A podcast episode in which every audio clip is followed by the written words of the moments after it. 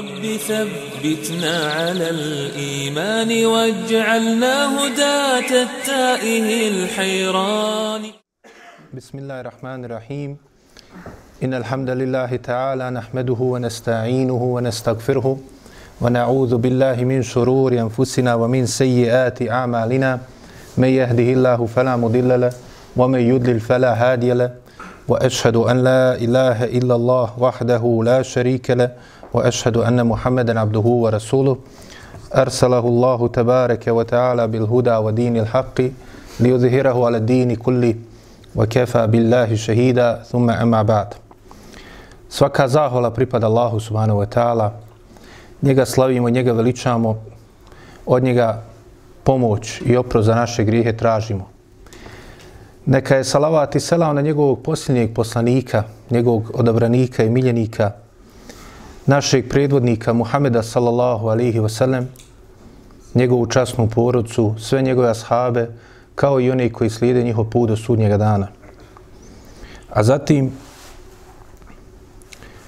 prošli put smo stali kod toga da je Allahu poslanik sallallahu alaihi wasallam sellem nakon što su mušici iako su saznali da je uspjela da izmakne njihova karavana poslaniku sallallahu alaihi ve sellem i njegovim ashabima da su odlučili da nastavi sa svojim putem prema Bedru i da je to jel, ozbiljna vojska koja se treba suprostaviti poslaniku sallallahu alaihi ve sellem i njegovim ashabima.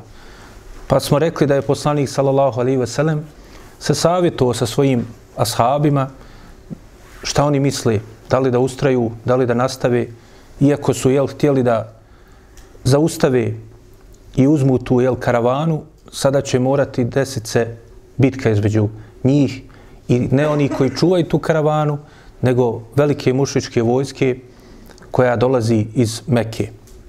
I na kraju su poslanika sallallahu alaihi ve sellem podržali predvodnici ashaba i od muhađira i od ensarija, pa je poslanik sallallahu alaihi ve sellem se obradovao tome, a to je ulilo i dodatnu snagu i ulilo i po, poboljšalo duh borbeni kod svih ashaba.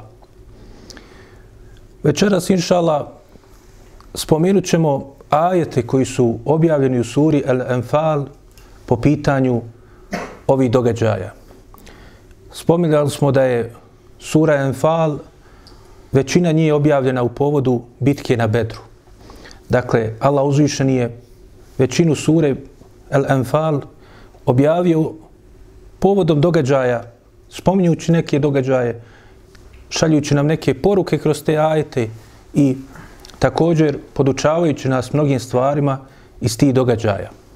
Pa ćemo u svjetlu ti ajeta, kao i neki još hadisa i predaja u povodu tih događaja koji pojašnjavaju ajete, zastati i još malo, dakle, e, da vidimo kakvi su ovo istinski jel, bili događaji i da još uzmemo jel, neke koristi za nas i pouke iz njih uz Allahovu pomoć. Allah uzvišeni na početku sure Al-Anfal kaže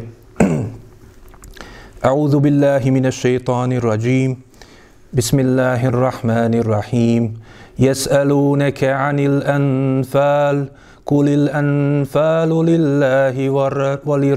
قل الأنفال لله والرسول فاتقوا الله وأصلحوا ذات بينكم وأطيعوا الله ورسوله إن كنتم مؤمنين إنما المؤمنون الذين إذا ذكر الله وجلت قلوبهم وإذا تليت عليهم آياته زادتهم إيمانا وعلى ربهم يتوكلون الذين يقيمون الصلاة ومما رزقناهم ينفقون أولئك هم المؤمنون حقا لهم درجات عند ربهم ومغفرة ورزق كريم.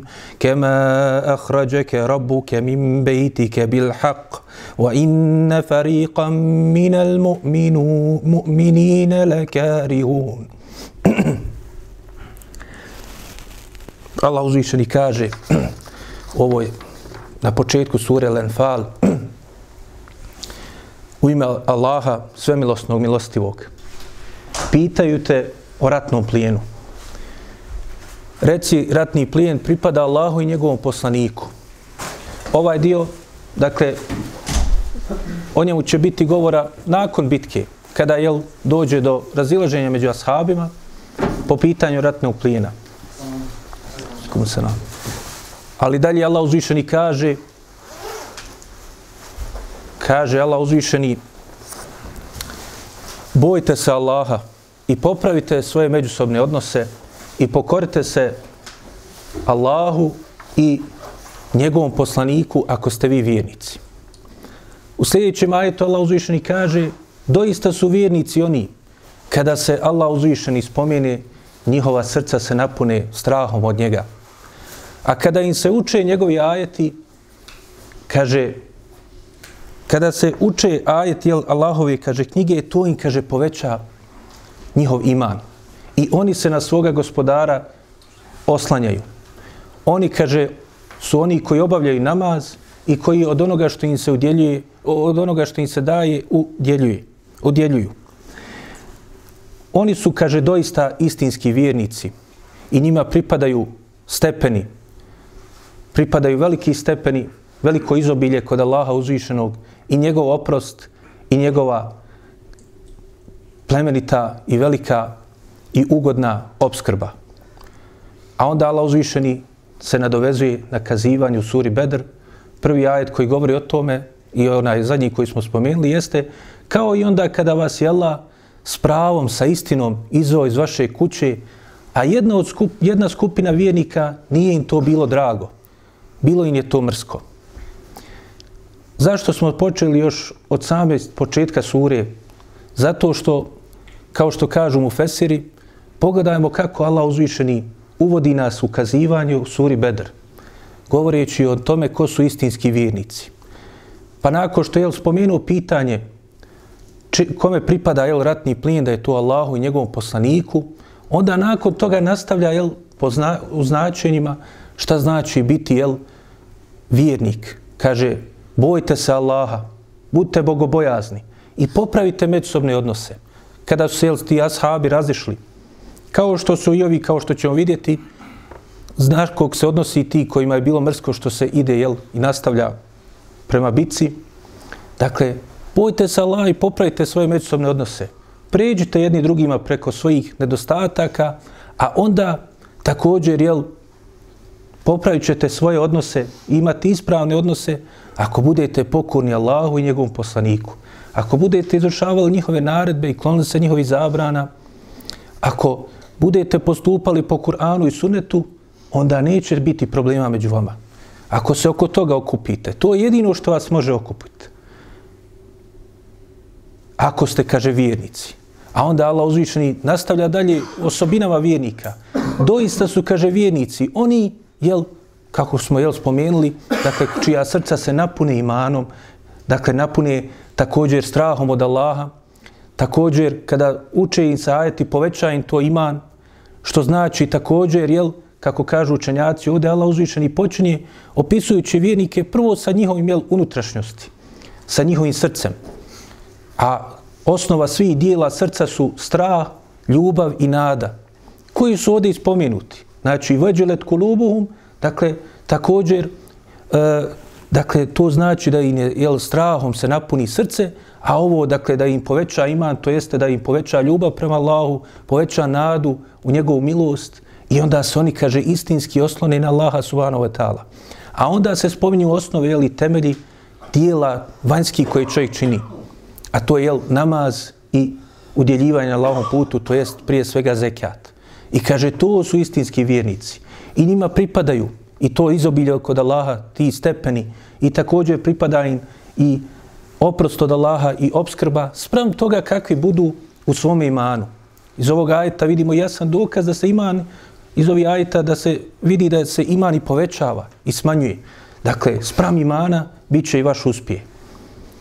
I onda Allah uzvišen jel, uvodi nas u kazivanje, u suru, u kazivanje o bitci na bedru kroz opis vjernika. To jeste ti vjernici koji su bili takvi koji su imali ove osobine kod sebe, zato su ostvarili ovaj uspjeh. Allah uzvišeni dalje, dakle, kao što smo videli, spominje, dakle, da je nekima bilo mrsko. Zašto je došlo do te bitke? Da bi došli do značenja tog ajeta, moramo se malo vratiti unazad, a u stvari nekoliko stranica kasnije u suri Al-Anfal se spominje zašto su jel, zašto je ovo bilo teško jednoj, dakle maloj skupini od vjernika, od ashaba, zašto moraju ustrajati u toj bitci. Kaže se, dakle, prva stvar koju treba napomenuti, kao što smo rekli, da je, dakle, kada je krenula vojska mušička iz Mekije, da su se oni prepali šta će kada prođu pored plemena Kinane i njihovi porodica, porodice Benu Bekr i također Benu e, Mudlić. Jer su imali, dakle, nerazjašnjene, e, nerazjašnjene odnose sa njima koji su ostavljeni, jel, zamrznuti takvi kakvi jesu, zbog onoga što se dešavalo u Mekki sa odnosom mušrika prema poslaniku, sallallahu alaihi veselem. Pa su se pobojali da će ovi napasti.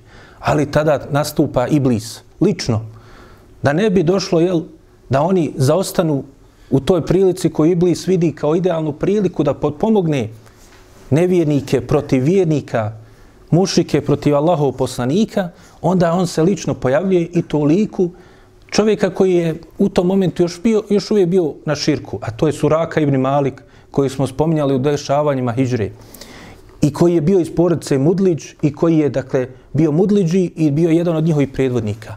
I onda je on došao, dakle, a u stvari to je bio Iblis, i onda je on smirio. Oko predaje da li je lično ovako došao Iblis ili ne, i da li je on učestvovao u bici na Bedru, dakle, te predaje kažu učenjaci, iako imaju svoje slabosti u sebi, koje spominje Imam Taberi u svojoj istoriji drugi, dakle, kažu, i ovo kao što ćemo vidjeti iz osnovi u ajetu što je spomenuto ukazuje dakle da ima dakle e, tačnosti u tim predajama i da se pojačavaju međusobno te predaje. Pa se spominje u Kur'anu dakle opet u suri El-Enfal u 48. ajetu Allah uzvišeni spominje slučaj Iblisa, to je šejtana kad kaže وَإِذْ ذَيَّنَ لَهُمُ الشَّيْطَانُ أَعْمَالَهُمْ kaže kada im je šejtan uljepšao njihova djela Alikum salam. I rekao, Wala galibe lekumul jeume minen nas. Kaže, rekao je njima šetan, hrabreći da ustraju u tome, kaže, niko vas danas neće moći pobijeti od ljudi. Wa inni džaru lekum.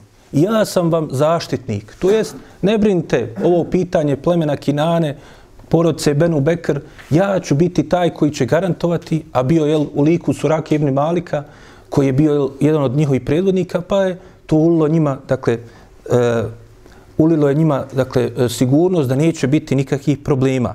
Ali šta dalje kaže Allah uzvišeni? Kaže, فَلَمَّا تَرَاءَتِ الْفِيَتَانِ nekasa ala akibejhi wa kale inni bari minkum. I kaže, kada je vidio dvije skupine, Iblis, kada je vidio dvije skupine, da su se suprostavile, susrele, kaže, povratio se, kaže, natrag, uzmakao, pobjegao sa pojišta i rekao, ja sam, kaže, čist od vas. Inni ara mala teraun. Ja, kaže, vidim ono što vi ne vidite. U tefsirima se spominje, da je vidio Džibrila, alihi salam, kako predvodi meleke i raspoređuje ih na bojištu bitke na Bedru. Kada je to vidio Iblis, prepao se, kukavica kakav jest, dao se u bijeg i onda rekao na kraju inni ahafullah, ja se kaže bojim Allaha. Bojim se Allaha. Wallahu šedidu liqab, jer Allah uzvišeni žestoko kažnjava. I dao se u bjekstvo, dakle, Iblis. No međutim, to je jel, na bojištu, na poprištu bitke.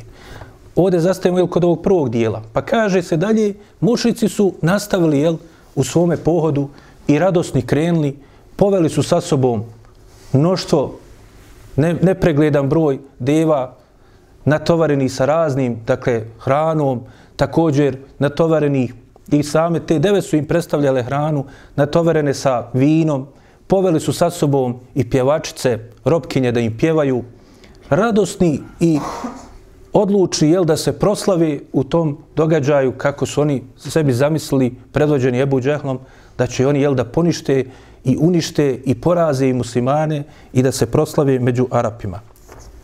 Pa su, kaže, izašli puni ljutnje prema muslimanima, puni mržnje prema njima, odlučni da se suprostavi Allahu i njegovom poslaniku. Allah uzvišeni u 47. ajetu sure Al-Anfal to spominje i kaže وَلَا تَكُونُوا كَلَّذِينَ خَرَجُوا مِنْ دِيَارِهِمْ بَطَرًا وَرِيَاءَ النَّاسِ Kaže, nemojte biti kao oni koji su izašli iz svojih kući, iz kuća, da bi se pred ljudima pokazali, oholeći se i nadmeno hodeći, ko nema nikog jačeg od nas. Mi ćemo da ih porazimo. Mi smo prvaci Arapa, sad će oni da vide jel, našu silu i našu srđbu. Voje su dune an sabilillah. Zašto? Da bi odvraćali od Allahovog puta. I da bi odvraćali od Allahovog puta i zato su jel, izašli. Wallahu bima ja'melune muhit. A Allah uzvišeni obuhata sve ono što oni radi. Allah sve to zna. Subhanahu wa ta'ala. Kaže Ibn Abbas, također Mujahid, Katade, Dahak, Suddi, dakle poznati e, mufesiri predvođeni Ibn Abbasom i njegovim učenicima od Tabina, kažu da se ovaj ajet odnosi na dakle mušike koji su krenuli na bitku na Bedru da se suprostave Allahom poslaniku sallallahu alihi wasallam.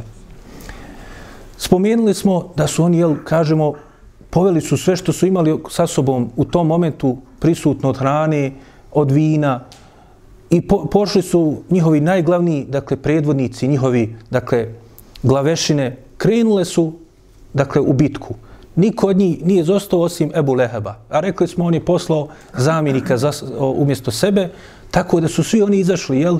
I svi su se natjecali ko će se jel, više iskazati u toj mržnji prema islamu i onda ono što drži u srcu da pokaže to na dijelu. Jel tako? Dakle, ne samo da ima mržnju, nego će svoj metak, svoj život žrtvovati na tom putu. Allah uzvišen u tom smislu u 36. ajetu sure Lenfal spominje Inna alladhina kafaru yunfikuna amwalahum liyasuddu an sabilillah Doista kaže oni koji ne vjeruju troše svoje metke da bi odvraćali od Allahov puta. Žrtvuju se na putu zla. Pa kaže Allah uzvišeni Fese yunfikuneha pa će ga, kaže oni, potrošiti taj svoj metak. Thumme tekunu alihim hasra, onda će zbog toga zažali. Thumme juglebun, a onda će, kaže, biti poraženi. Troše i metak, potrošit će ga, neće im biti žao. Čovjeku koji ne vjeruje Allaha, najvrijednije što ima, ne nada se nagrad na onom svijetu pa da to žrtvuje, ali žrtvuje svoj metak na putu borbe protiv istine. I to je, dakle, kao što vidimo, kao što kažu mu Fesiri, dakle, ovaj ajet je jel općenit i to, tome mi svjedočimo.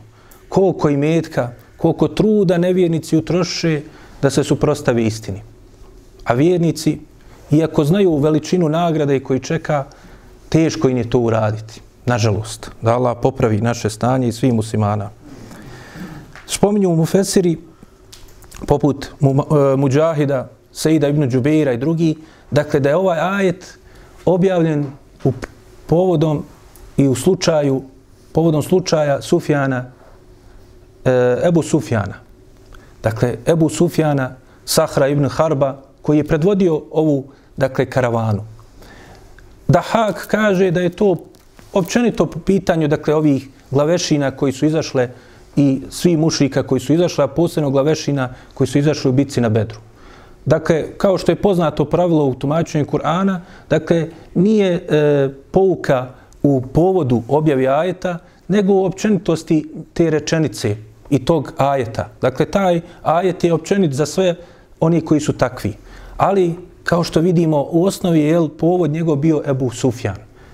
A Ebu Sufjan, koji će biti jedan od rijetkih glavešina koji će preživiti bitku na Bedru i koji će sve do oslobođenja Mekke boriti se protiv poslanika, salallahu alaihi ve sellem, i doista će biti, kao što kažu i kao što ćemo inšala vidjeti na dijelu i u događajima koji će uslijediti, on će trošiti svoj metak borbi protiv istine, pa će ga potrošiti, pa će zbog toga zažaliti, pa na kraju kada poslanik sallallahu alaihi wasallam oslobodi Meku, bit će i poražen. Ali je li to bio kraj za njega? Je li to bilo gotovo za njega? Ne. Tu se onda vidi ljepota Allahove subhanahu wa ta'ala vjere. Što je jedan takav čovjek, kakav je Ebu Sufjan, na kraju primio islam, pokajao se za to što je radio i na kraju ne samo da je pokajao se i primio islam i bio musliman, nego je bio jedan od predvodnika i njegovi časni sinovi Jezid i Muavija će da prošire islam i da se bore na Allahom putu i da budu i vojskovođe, a na kraju Muavija je bio i halifa muslimana. Pa dakle, nema to grija koji Allah uzvišeni neće oprostiti. Ljudi se često jel, kažu kako ću se ja pokajati, na, na, mnogo je stvari sam radio loše i ružne. Sjetite se samo i napomenite tako me samo slučaj Ebu Sufjana. Zar je iko više uradio zla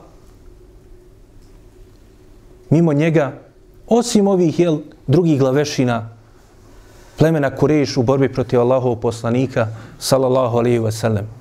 Pa na kraju se pokajao i bio časni ashab Allahov poslanika, radijallahu anhu.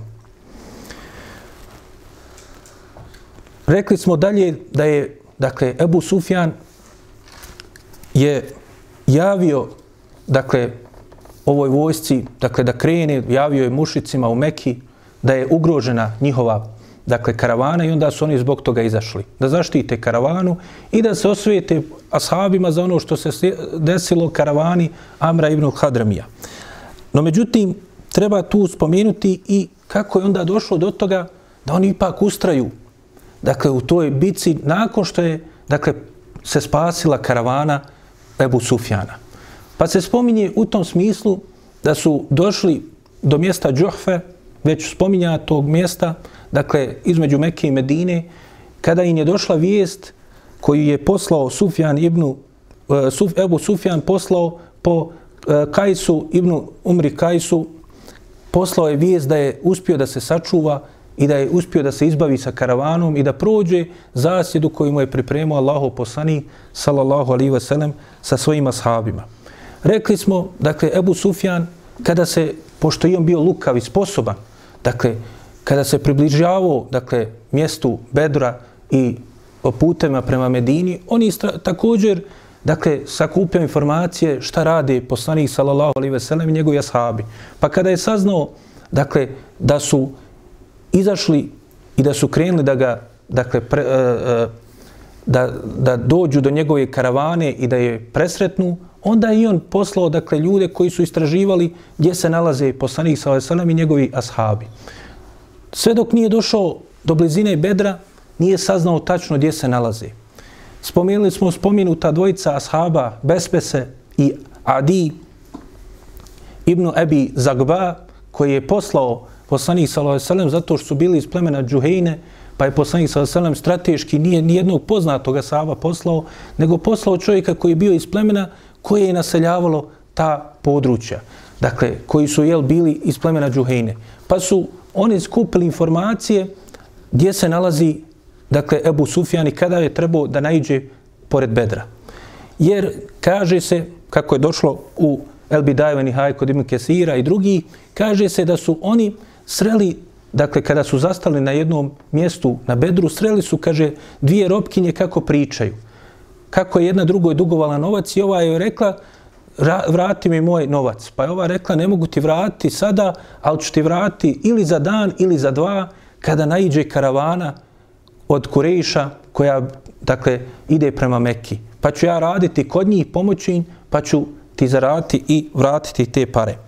Pa se spominje da je tu bio prisutan Međdi ibn Amr el-Džuheni, koji je složio se sa tom njihovom konstatacijom da će naići karavana za dan ili dva. I onda je, dakle, to su čula ova dvojica sahaba i odnijeli tu vijest poslaniku sallallahu alejhi dakle za dan ili dva će biti na bedru karavana. Ali u međuvremenu kada je naišao dakle Ebu Sufjan koji je požurio pa je stigao dakle do tog mjesta i onda je sreo Međdija ibn Amra i upitao ga je kaže imali jesi li vidio nekoga od Muhamedovi, sallallahu alaihi sallam, drugova, dakle da je odavde da su bili, znaš li gdje se nalazi? Pa je on rekao da ne zna. Ali kaže, vidio sam samo dvojicu mladića, meni nepoznati, koji su tu i tu stojali. I pokazao na mjestu gdje su oni bili svezali svoje jahalice. I onda je otišao Ebu Sufjan, dakle, vrlo sposoban, iako u tom vremenu je predvodnik mušrika, ali vrlo sposoban i inteligentan, pa kaže, uzo je, dakle, balegu od njihovih jahalica i onda je rastvorio da vidi šta se nalazi u njoj. I kada je vidio ostatke od datula u njoj, rekao je, doista je, kaže, ovo hrana kojom se hrane jahalice, deve u Jesribu. I isto ga je razumio, dakle, da je to bila izvidnica i špijuni koje je poslao Muhammed sallallahu, sallallahu alaihi ve sellem. I zbog toga je on, dakle, umjesto da nastavi putem preko bedra, skrenuo lijevo, otišao prema moru i zaobišao skroz bedr i tako zaobišao, jel, i izbjegao, dakle, poslanika, sallallahu alaihi ve sellem, i njegove ashabe. I onda je poslao po ovom kajsu vijest mušicima koji su bili tada u mjestu Džohfe, dakle da je on se spasio sa karavanom i da nema potrebe da više nastavljaju svoj jel, izlazak, izlazak i put prema Bedru i susret sa poslanikom sallallahu alaihi sellem i njegovim ashabima. No međutim, Ebu Džehl, njihov jel, glavni glavešina, je bio odlučan da nastavi i rekao, nećemo odustati, kaže. Nema veze, nećemo i sresti, ali, kaže, mi ćemo nastaviti naš put, kaže, otićemo na Bedr, ostaćemo tamo tri dana, kaže, ispešćemo ovih deva, napravit ćemo igranku, neka nam pjevajke zapjevaju, da mi se napijemo vina i kaže, tako ćemo stvariti veliku slavu i veliko poštovanje kod svih Arapa, koje nikada nam neće zaboraviti. To jest, jel, mi smo došli, tu se proslavili, proveli, a Muhammed sallallahu alaihi ve sellem i njegovi ashabi neće smjeti, jel, ni doći tako da će oni, dakle, da ostvari, jel, kako je zamislio, zamislio Ebu Džehl, da će oni tako ostvariti veliku pobjedu. No, međutim, Al-Ahnes ibn Šarik, predvodnik porodci Zuhre, mu se suprostavio. Rekli smo da su se oni na kraju vratili. Spomnije se 100 a ispravnije da je bilo 300 od 1300 koji su izašli, dakle 300 je bilo iz porodice Zuhra i oni su predvođeni, dakle Ahnesom koji je bio odlučan, insistirao da se vrate jer je rekao, kaže, nema potrebe da ostajemo. Naša karavana, naša roba je spašena. Što ćemo mi ostajati tako nešto izvoditi što si ti Ebu Džehlen zamislio? Mi idemo nazad i vraćamo se u Meku. I tu je Ebu Džehl se na njega naljutio, vrijeđao ga, Između ostalo kaže se i da je tu dobio taj naziv i nadimak Ahnes. To jeste u smislu jel, kukavica, bla, mlak čovjek. Nisi, dakle, nemaš hrabrosti da se suprostaviš. Ali to nije interesovalo Ahnesa ibn Šarika, koji će kasnije, radi anhu postati također ashab Allahov poslanika, jer će također biti od onih koji će u godini oslobođenja Mekke primiti islam i odmah u bici na Huneinu se proslaviti u borbi na Allahovom putu. Dakle, oni su se vratili. Samo, kaže, jedan, kako je došlo u Tabakat ibn Sad, kaže, samo jedan od, dakle, porodice Zuhre učestvo u bitci. Dakle, svi ostali se vratili. Spominje se da je Abu Džehl, da bi jel, još više udahnuo ratni duh kod mušlika, rekao je bratu Amra ibn al-Hadramija, kaže, izađi i reci zašto smo izašli. Pa je ovaj, kaže, izašao i zadigao svoj odjeću, razotkrio se, dakle, pokazao svoje avrete i počeo vi, vrištati i galamti. Ja neću zaboraviti krv svoga brata. Zar ćete dopustiti, dopustiti da to prođe nekažnjeno od strane onoga što su uradili, jel, Muhammed sallallahu alaihi ve sellem i njegovi ashabi. I to je postaklo sve ostale, dakle, mušike da ustraju zajedno sa Ebu Džehlom i da prihvate njegovu, dakle, prijedlog jedino porodca Benu Hašim, to jest porodca Allahov poslanika, sallallahu alaihi ve sellem, u osnovi mnogi od njih jel, nisu ni bili voljni da krenu tu. Ali opet kada su pokušali da odustanu, ponovo je Ebu Džehl zaprijetio i nije im dao da se vrate. Pa su oni morali, dakle, da ustraju sa njima u bitci. Nakon toga, jel, ova dvojica shaba, Bespese i Adi, poslanik sallallahu alaihi ve sellem, je drugi put poslao da opet jel, špioniraju. Pa su došli sa vijesti poslaniku sallallahu alejhi ve sellem, dakle da su mušici dakle, nakon što su saznali također da je spasla se karavana, da su sada mušici odlučni da nastave prema Bedru i da više nema pitanja karavane. Dakle, karavana je se spasila. Ostaje jel, samo da se suprostavimo onda mušicima koji su mnogobrojni i opasniji. E tu dolazimo do ovoga što smo spomnjali, da jedna onda skupina, dakle mali, mala skupina pojedinaca među ashabima, tu im je bilo teško.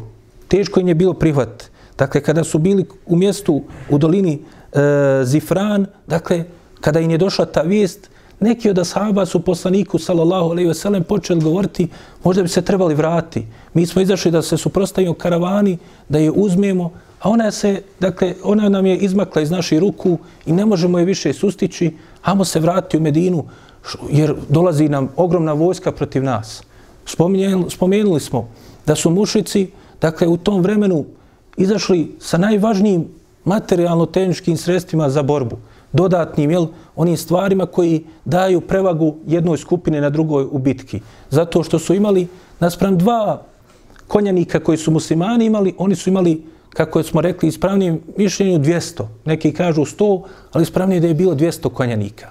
A samih, jel, poslanika, sallallahu alaihi veselem, i njegove sahaba, najviše je da je bilo 319 ili 314, kako smo rekli, po ispravnijem mišljenju.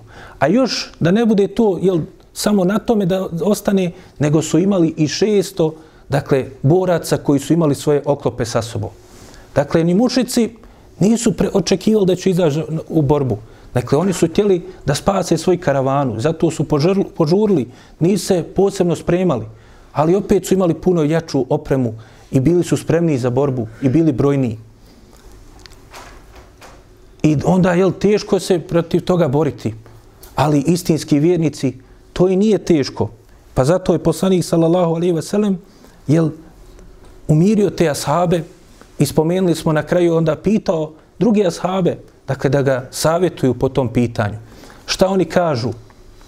Pa smo spomenuli da su muhađiri, Ebu Bekr i Omer, dok na kraju nije progovorio i Miktad ibn Amer al-Kindi, čiji govor smo spomenuli, za kojeg je Abdullah ibn, Abba, eh, ibn Mesud radijallahu anhu kaže, kako je došlo u, u Sahiju Buhari, ne bi volio, dakle, sve bi mijenjao što sam uradio, samo da bi, sam ja imao tu priliku i čast da kažem ono što je rekao Mikdad. Zato, kao što smo rekli, što je rekao, da nećemo mi biti, kaže, kao sinovi i potomci Israilovi koji su rekli Musau, idi ti, tvoj gospodar se borite, mi ćemo ovdje ostati da sjedimo, nego kažemo, idi ti i tvoj gospodar se borite, a mi smo s tobom, idemo se i mi boriti. Ali je poslanik, sallallahu alaihi veselem, nastavio tražiti da ga i drugi savjetuju, pa je onda jel, progovorio, kako smo rekli, Saad ibn Muaz, predvodnik Ensarija. Zato što je Ensarije, koji su bili u tom momentu puno brojniji među ovim 314 ashaba, i koji prvi put se nalaze jel, u situaciji da učestvuju u bitci van Medine. Dakle, oni su obećali i dali prisegu da će štiti poslanika sallallahu alaihi sellem u Medini, ali sada su van Medine. Pa je poslanik sallallahu alaihi sellem htio da čuje i njihovo mišljenje. Pa se spominje da je onda Saad ibn Muaz rekao one prelijepe riječi koje smo spominjali kako je došlo, dakle, da je rekao poslaniku sallallahu alaihi sellem, dakle, jel poslaniće misliš na nas? Pa je poslanik sallallahu alaihi rekao da, pa je onda on rekao, Allaho poslaniće, mi smo ti dali prisegu na vjernost i na poslušnost. Mi smo spremni da se žrtvujemo. I kada nam je narekao da idemo u more, mi bi išli za tobom. U drugoj predaji je došlo kada bi rekao da idemo do mjesta Berkil Gimad, koji se nalazi na jugu, dakle, pripada teritorijama i prostorima Jemena, mi bi krenuli s tobom odmah. Ovako nespremni, idemo, gdje god ti kažeš Allaho poslaniće.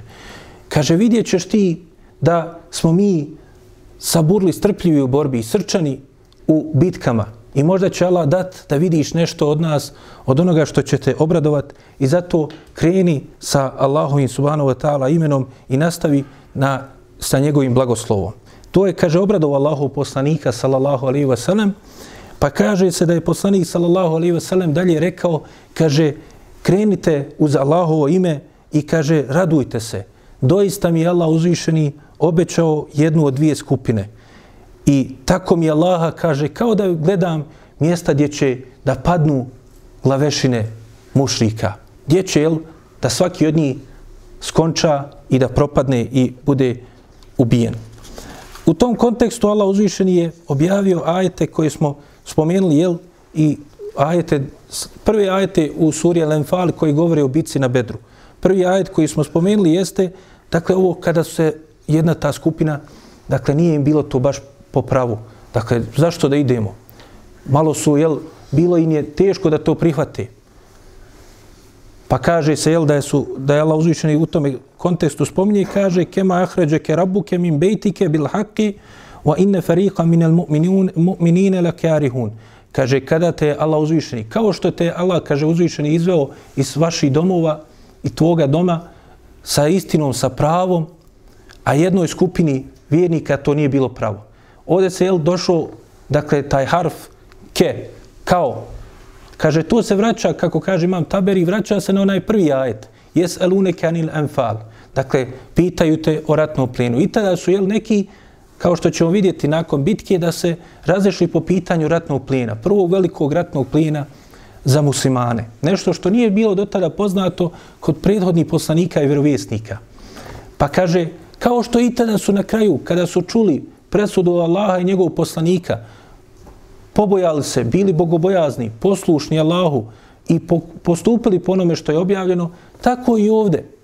Kada su čuli riječi Allaha, Allahovog poslanika, sallallahu alaihi ve sellem, ono što im prenosi od njihovog gospodara, onda su se oni smirili i kaže se, dalje Allah uzvišeni kaže, juđadi luneke fil haqi badema tebejene ke ennema yusakune ilal mauti vahum janzurun. Allah uzvišeni u sljedećem ajetu kaže, kaže, oni se s tobom raspravljaju o borbi. Nakon što im je, kaže, istina postala očita, to jeste da će biti pobjeda njihova. A oni, kaže, kao da ih vodiš na njihove oči u smrt. Dakle, prepali se neki bili, jer to nije bio lahak, lahak jel, e, događaj. Valja se suprostaje tolikoj vojsci.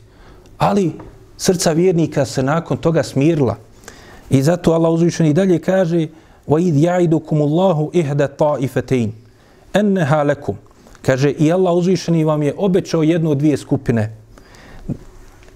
Kaže, وَيَوَدُّونَ أَنَّ غَيْرَ ذَاتِ شَوْكَتِ تَكُونَ tekunu, uh, tekunu lekum. Allah uzvišeni dalje kaže, a oni su željeli da bude to ona koja nije bila naoružana, da bude njihova. To jeste karavana. Oni su željeli karavanu, a ne jel veliku vojsku koja je naoružana došla spremna da se bori protiv njih. Wa yuridu Allahu an yuhiqqa al-haqqa bi kalimatihi wa yaqta' dabir al-kafirin. Ali Allah uzvišeni želi Dakle, vi ste željeli karavanu, nešto dunjalčki, jel, ti blagodati da nadoknadite koje ste izgubili na lahom putu. Niste željeli, jel, borbu veliku, ali Allah uzvišeni je želio da svojom riječju učvrsti istinu i kaže da u korijenu uništi nevjernike. Vi ste željeli nešto malo dunjaluka, ali ono što vam Allah uzvišeni želi, to je puno bolje za vas. Da ste vi birali, puno bi gore prošli.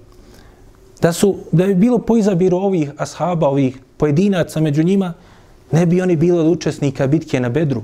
Ne bi imali tu veliku nagradu da su oni, jel, najodabranija skupina, ne od samo od ashaba, nego u istoriji čovečanstva. Dakle, skupina koja je jel, učestvovala u bitci na Bedru, koji su zaradili to da neće nikada ući u dženem i da će biti nagrađeni džennetom i Allahovim oprostom. Allah uzvišeni, dakle, je želio puno bolje za njih nego što su oni za sebe željeli. I zato Allah uzvišeni kaže u sljedećem ajetu li yuhiqqa al-haqqa wa yubtila al-batila walau kariha al-mujrimun. Kaže da bi Allah uzvišeni učvrstio istinu, a da bi uništio batil, uništio zabludu, uništio zlo, pa makar, kaže, bilo krivo zločincima, to jeste, jel, mušicima koji, koji su izašli u borbu protiv njih. Nakon što je poslanik, sallallahu alihi wasallam, dakle, se savjetovao sa sahabima, u tom kontekstu treba još samo napomenuti da je u hadisu kod imama muslima došlo da, se, da je ovaj govornik ispred Ensarija bio Saad ibn Ubade, Rekli smo, kod njihovog učešća u bitci na Bedru je bilo razilaženja među istoričarima, ali se kaže da je učestvo u bitci na Bedru i ovaj hadis to potvrđuje. No međutim, kažu, kako kaže Hafez ibn Hajar, nema kontradiktornosti. Dakle, ova predaja kod imama muslima, koja govori o tome da je govornik bio Sad ibn Ubade, Allah najbolje zna, kaže, to je bilo u Medini, prije polaska. A onda ponovo je poslanik, sallallahu alaihi veselem, se savjetuo kada su dobili vijest da će vojska, jel, im se suprostavi da će doći do bitke. Zato što, kao što vidimo iz svega toga, da je poslanik, sallallahu alaihi veselem, iako je bio Allahov poslanik, Allahov vjerovjesnik, on se opet savjetuo sa sahabima.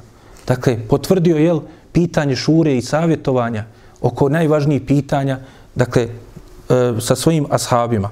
Pa dakle, u toj predaji kod imama muslima ima i dodatak, da, dalje se kaže da je poslanik sallallahu alihi wasallam onda poslao, dakle, neki od ashaba, dakle, da vidi šta se dešava sa pitanjem te vojske, dokle je stigla. Pa se spominje u tom hadisu, dakle, da je poslanik sallallahu alaihi ve sellem, poslao e, Aliju radijallahu anu, Zubeira ibn Avama i također Sada ibn Abi Vakasa, dakle da ispitaju dok je stigla ta vojska. Pa se kaže, spominje da su onda oni zatekli jednog e, dječaka, dakle jednog roba, koji je radio, kaže, kod e, porodce Hadžađ iz Mekije, dakle koji je vodio brigu o njihovim, dakle, e, konjima i njihovim, dakle, jahalcama, devama. Pa kaže, doveli su ga poslaniku, sallallahu alaihi ve sellem. A poslanik sallallahu alejhi ve sellem je u tom momentu bio klanjao. Pa su oni kaže pitali njega, kaže šta znaš o Ebu Sufjanu i karavani? Pa kaže kada bi on rekao ja ne znam ništa o Sufjanu, Ebu Sufjanu. Ali kaže znam da su Ebu Džehl i Umeje ibn Halef i ostali glavešne mušrika izašli i krenuli sa velikom vojskom prema vama. Pa kaže ovi bi ga uzeli i udarali. Pa kaže kada bi ga izudarali, porao ga pitali, kaže šta znaš o Ebu Sufjanu, onda bi on Jel da ne bi opet bio izudaran, rekao, ja, ja znam, kaže, ide Ebu Sufjan i karavana, tu su oni, e, blizu su. Pa kaže, opet kada bi se smirio, onda bi rekao, kaže, ali ja sam u osnovi radim kod, kako ćemo vidjeti u drugom hadisu, je došlo da radi kod, dakle, Ukbe ibn Ebi Muajta. Dakle, da je bio, dakle, njegov rob. I kaže, radim kod njega i glavešne, dakle, i predvodnici mušrika su izašli sa vojskom protiv vas. Pa bi ovi asabi ponovo ga počeli udarati. Pa da bi ih jel umirio, on bi opet rekao i počeo govoriti o Ebu Sufjanu i karavani. Kada je poslanik sallallahu alaihi ve sellem završio sa namazom, onda se obratio ovim ashabima. Kaže, vi ga, kaže, udarate kad vam govori istinu. A kaže, vam kaže laž, vi ga pustite. Zato je što je istinu govorio kada je rekao da je bio, dakle, upravo, dakle, sa ovim vojskom koja je krenula iz Mekke. Pa u predaji kod imama Ahmeda je došao dodatak da je u osnovi jel, došla dvojica, dakle dva dakle, roba. Ne jedan, nego dva koji su jel, radili kod Ukbe ibn Abi Muajta, pa je onda poslanik sallallahu alaihi ve sellem nakon svega ovoga upitao, kaže, koliko je izašlo? Pa je on rekao, izašla je velika vojska, opasna, spremna da uništi muslimane. Pitao ga je ponovo poslanik sallallahu alaihi wa sallam, kaže, a koliko ih ima? On nije htio da odgovori. Pa onda je poslanik sallallahu alaihi ve sellem i svoje mudrosti upitao ga, kaže koliko, kaže, dnevno kolju deva, dakle moraju se hraniti na pucu, to je ni osnovna hrana, koliko ih kolju? Kaže kolju devet ili deset. A kaže poslanik sallallahu alaihi ve sellem onda rekao, dakle ima ih između 900 i 1000. Zato je što je toliko, dakle de, na deset deva dođe 1000 ljudi. Dakle, onda je poslanik sallallahu alejhi ve sellem iz toga razumio koliko ih jel ima. Također se spominje da je poslanik sallallahu alejhi ve sellem izašao i sa Ebu Bekrom lično da sazna neke informacije i da ispita i da dakle E, provjeri može li saznati koju informaciju o toj vojsci. Pa kaže, naišli su pored jednog čovjeka koji je bio jel, star čovjek, ali dakle na kojem se vidilo da je vrlo dakle, iskusan, mudar čovjek. Kaže se da je to bio čovjek pod imenom Sufjan e, e, Damri. Pa kaže poslanik sallallahu alaihi ve sellem je upitao ga za vojsku mušrika. Ali on je rekao, taj, dakle Sufjan rekao je, neću ti odgovoriti dok ti ne kažeš meni ko si ti. Pa je poslanik sallallahu alaihi ve sellem rekao, kaže, obavijesti me o vojsci mušrika, a ja ću ti reći ko sam ja. Pa kaže, onda je ovaj rekao, dobro, kaže, čuo sam da su taj i taj dan izašli Muhammed sallallahu alaihi ve sellem sa svojim drugovima iz Medine. Dakle, oni bi trebali biti u tom i tom mjestu. Dakle, vrlo iskusan mudar čovjek i onda je on sprem dana kada su izašli procijeni odmah gdje se nalaze i kaže se, jel dalje, dakle da je bilo upravo tako kako je i rekao. Dakle, da su bili tu Muhammed sallallahu alaihi ve sellem i na, u mjestu u kojem je ovaj čovjek i rekao da se nalazi. A kaže, mušici iz Mekije su izašli kurešije taj taj dan i oni su u tom i tom mjestu. I tako je bilo. I onda je poslanika sallallahu alaihi ve sellem upitao, kaže, e sad ti meni odgovori, ko si ti? Ko ste vas dvojica? Jel? On i Ebu Bekr radijallahu anhu. Pa je, kaže se u ovoj predaji koju bilježi Ibnu Hišam u svojoj istoriji, kaže poslanik sallallahu alejhi ve sellem je rekao mi smo kaže iz vode. I kaže okrenuo se i otišao, a ovaj ostao za prepašte. Kaže koje vode? Vode iz Iraka, Eufra, Tigris, na šta misliš? A poslanik sallallahu alejhi ve sellem je dakle izbjegao istinu, nije slagao, nego je mislio jel dakle na vodu od koje smo svi mi stvoreni, od one kapice. Kaže nahnu min ma, mi smo iz vode. I nije želio ovome da otkrije da ne bi, kada poslije naiđu drugi, da ne bi njemu rekli, e, dakle, tim mušicima eventualno, da je došao poslanik sallallahu alaihi ve sellem i tu pitao, dakle, e, za njih, pa onda bi oni mogli da isto to e, sakupe neke informacije. Dakle, poslanik sallallahu alaihi ve sellem je, dakle, utvrdio stanje gdje se ovi nalaze i onda je smjestio se na jedno mjesto. Kaže se u kontekstu toga, također ajet je objavljen, Allah uzvišeni u ajetu 42. u suri Al-Anfal kaže Id entum bil udvati dunja, wa hum bi udvati eh, kusva. Kaže Allah uzvišeni, kada ste vi bili, kaže, u bližoj dolini, naspram bedra, a oni u dalju Dakle, poslanik, sallallahu alaihi ve sellem, se smjesti u bližoj, dakle, dolini, vidjet ćemo kako to, inšala, a kaže, vo rekbu esvele minkum, a kaže, karavana je ispod vas, dakle, prošla je, prošla je pored vas.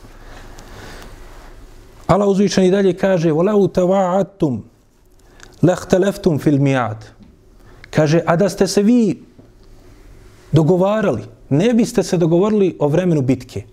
Jer ne bi nikad se mogli on dogovoriti da će se tu to desiti. To je Allahova volja bila, dokaz da Allah ono što želi je bolje je za nas i što nam je on propisao. Jer da se ovi dogovarali, hajmo da bude bitka tu, ovi bi rekli nećemo tu, ovi, Allahu poslanik sa sallam ne bi se složio sa njihovim dakle, prijedlogom zato što bi to bilo povoljnije vjerovatno za njih. Dakle, tako da je ovo bilo nešto što je najbolje za Allahu poslanika i ashabe i za mjesto bitke, iako oni to nisu ni planirali, nisu ni očekivali, ni oni ni mušici. Kaže dalje Allah uzvišeni وَلَاكِنْ لِيَقْدِيَ اللَّهُ أَمْرًا كَانَ مَفْعُولًا Kaže da bi, to je dakle, da bi Allah uzvišeni dao da se dogodi ono što se moralo dogoditi. Dakle, ta bitka koju niko nije očekivao i nije želio i nije planirao. Zbog čega? Li uhlike men heleke ambejine. Da bi, kaže, propali nevijenici na jasnom dokazu. I kaže, wa juhja men haje ambejine. I da bi, kaže, vjernici bili na jasnom dokazu, nastavili sa jasnim dokazima na uputi nakon svega toga. Wa inna Allahe nesemijun alim. Allah je doista onaj koji sve čuje i koji sve zna. Pa kao što kaže Hafez ibn Kathir u svojem tefsiru, dakle, Allah uzvišen je dakle, dao to, tako da se i desi. Nisu to očekivali, ali Allah uzvišen je to odredio da se desi. Pa su, kaže, ovi mušici, iako će nakon ove bitke vidjeti svoju propast, većina glavešina propali u toj bitci, izgubili su, a tako mnogo bili, tako se oholili, nadmeni bili, oni opet, pored jasnih dokaza, nastavit će dakle, na svojoj zabludi.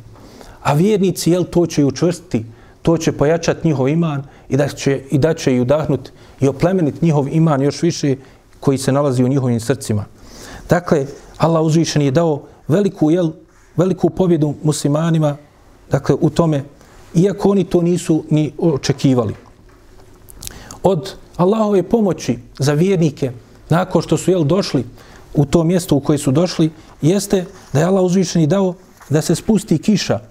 Dakle, oni su prošli težak put, kako smo spominjali, i već bili umorni, i težak teren, a oni nema ni opreme, ni do odgovarajuće obuće, pa je Allah uzvišeni spustio kišu koja im je, dakle, ublažila tu zemlju po kojoj su kročili.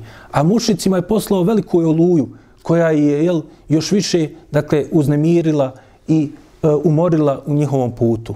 Pa Allah uzvišen u tom kontekstu u 11. majetu sure Al-Anfal spominje id yakšikum nu'asa amanatan eh, minhu wa yunazzilu alaykum min as-sama'i ma'an liyutahhirakum bihi liyutahhirakum bihi wa yudhhiba ankum rijza ash-shaytan Allah uzvišeni kaže kada je Allah uzvišeni dao da vas obuzme, kaže san da bi bili spokojni i kada vam je spustio kišu i vodu sa nebesa da bi vas očistio i kada je od vas odagnao šeitanska uznemiravanja i kaže voli arbita ala kulubikum wa yuthabbita bihi, bihi al-aqdam. I kaže i da učusti vaša srca i da učusti vaše korake dakle sa tom kišom. Pa kaže Mujahid tumačujući ovaj ajet kaže prvo je Allah uzvišeni dao dakle kišu. A nakon toga je dao kaže da i obuzme stan radi spokoja. I onda je sve onda ovo ostalo bilo. Dakle otklonio je odagno od njih šetanova uznemiravanja. Dakle da se boje više nisu imali straha od mušrika bili su sigurni, postojani, čvrsti srca, čvrsto koraka za ono što im slijedi pred njima.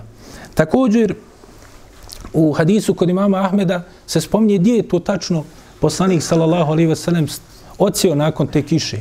Kaže se da je to bilo dakle, kod bunara dakle, na Bedru. Dakle, poslanik sallallahu alaihi veselem, videli smo u prvoj bici na Bedru je već je bio tu i odmah je strateški odabrao dakle, da požuri do mjesta gdje se nalaze bunari. Jer ko kontroliše vodu, njemu će biti lakše jel, kod same bitke. Pa, dakle, poslanik sallallahu alaihi veselem, je požurio dakle, da dođe do tih bunara.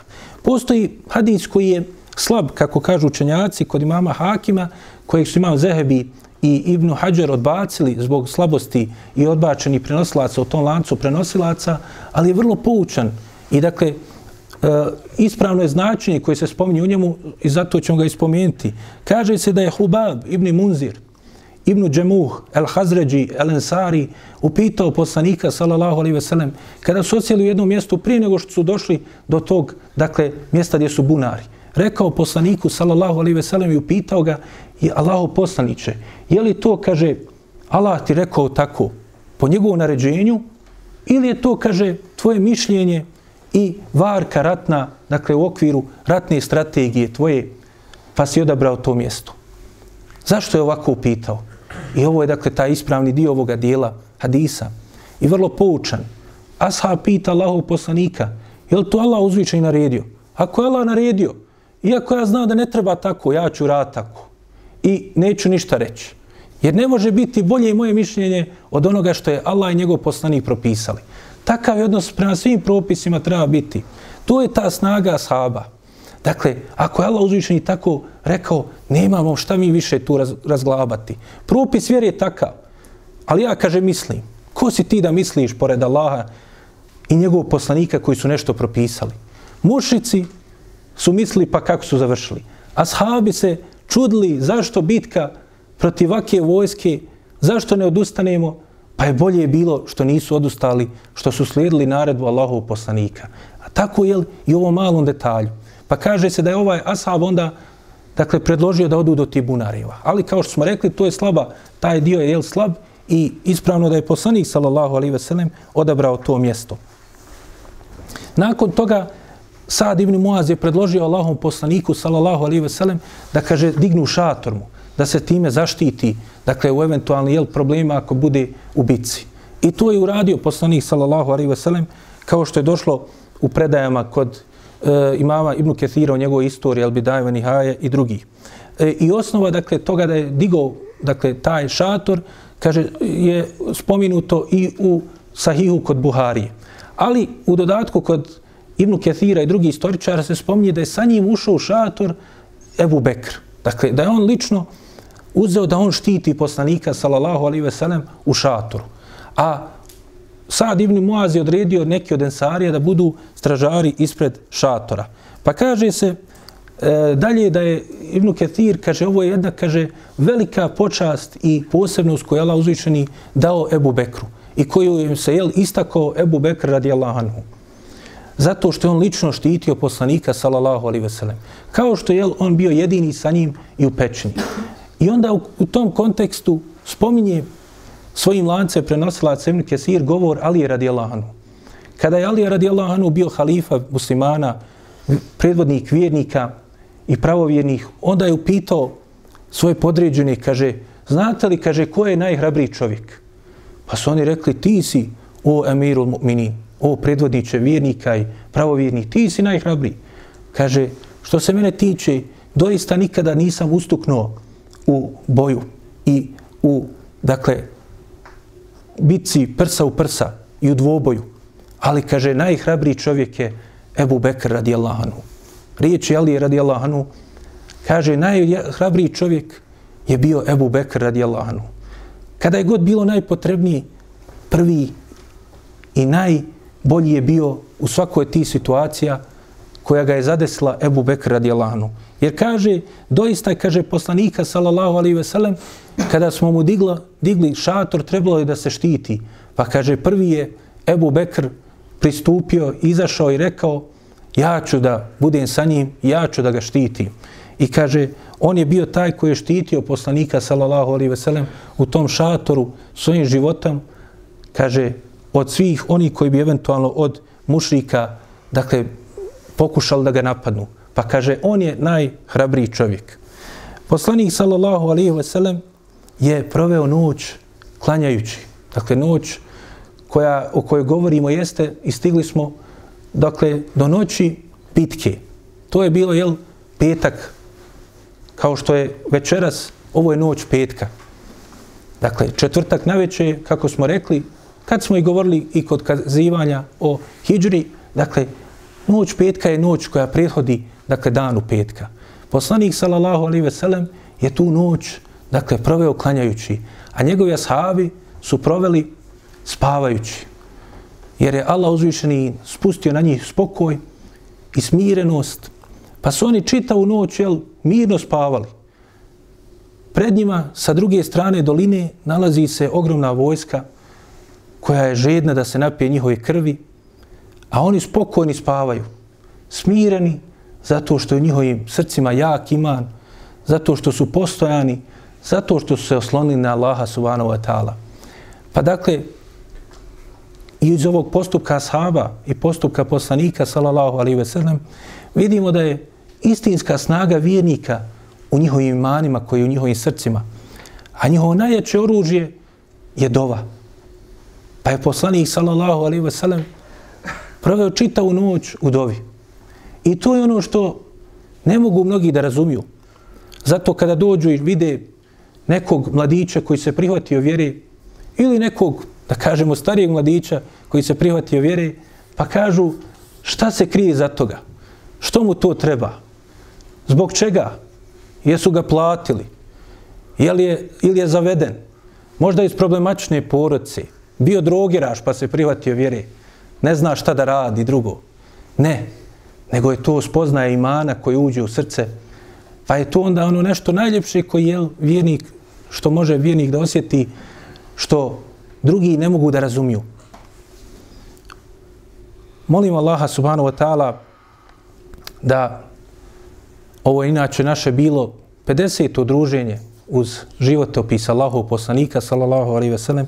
Molimo ga subhanahu wa ta'ala da nam poveća ljubav prema njegovom poslaniku i da nas učini od njegovih istinskih sljedbenika, da vas Allah uzvišeni nagradi na vašem strpljenju i vašem prisustvu i, i halalte ako nekada jel, pogriješimo nečemu, a molimo ga Subhanahu wa ta'ala također i da pomogne muslimane na svakom mjestu, da je lakša njihova iskušenja, da ih sačuva od svih belaja. Molimo ga Subhanahu wa ta'ala da uputi nas i naš narod i da nas na najljepši način vrati našoj vjeri. Amin. Subhanike Allahume ve bihamdike. Ešhedu en la ilaha illa ente stakruke ve tublik. يا رب ثبتنا على الإيمان واجعلنا هداة التائه الحيران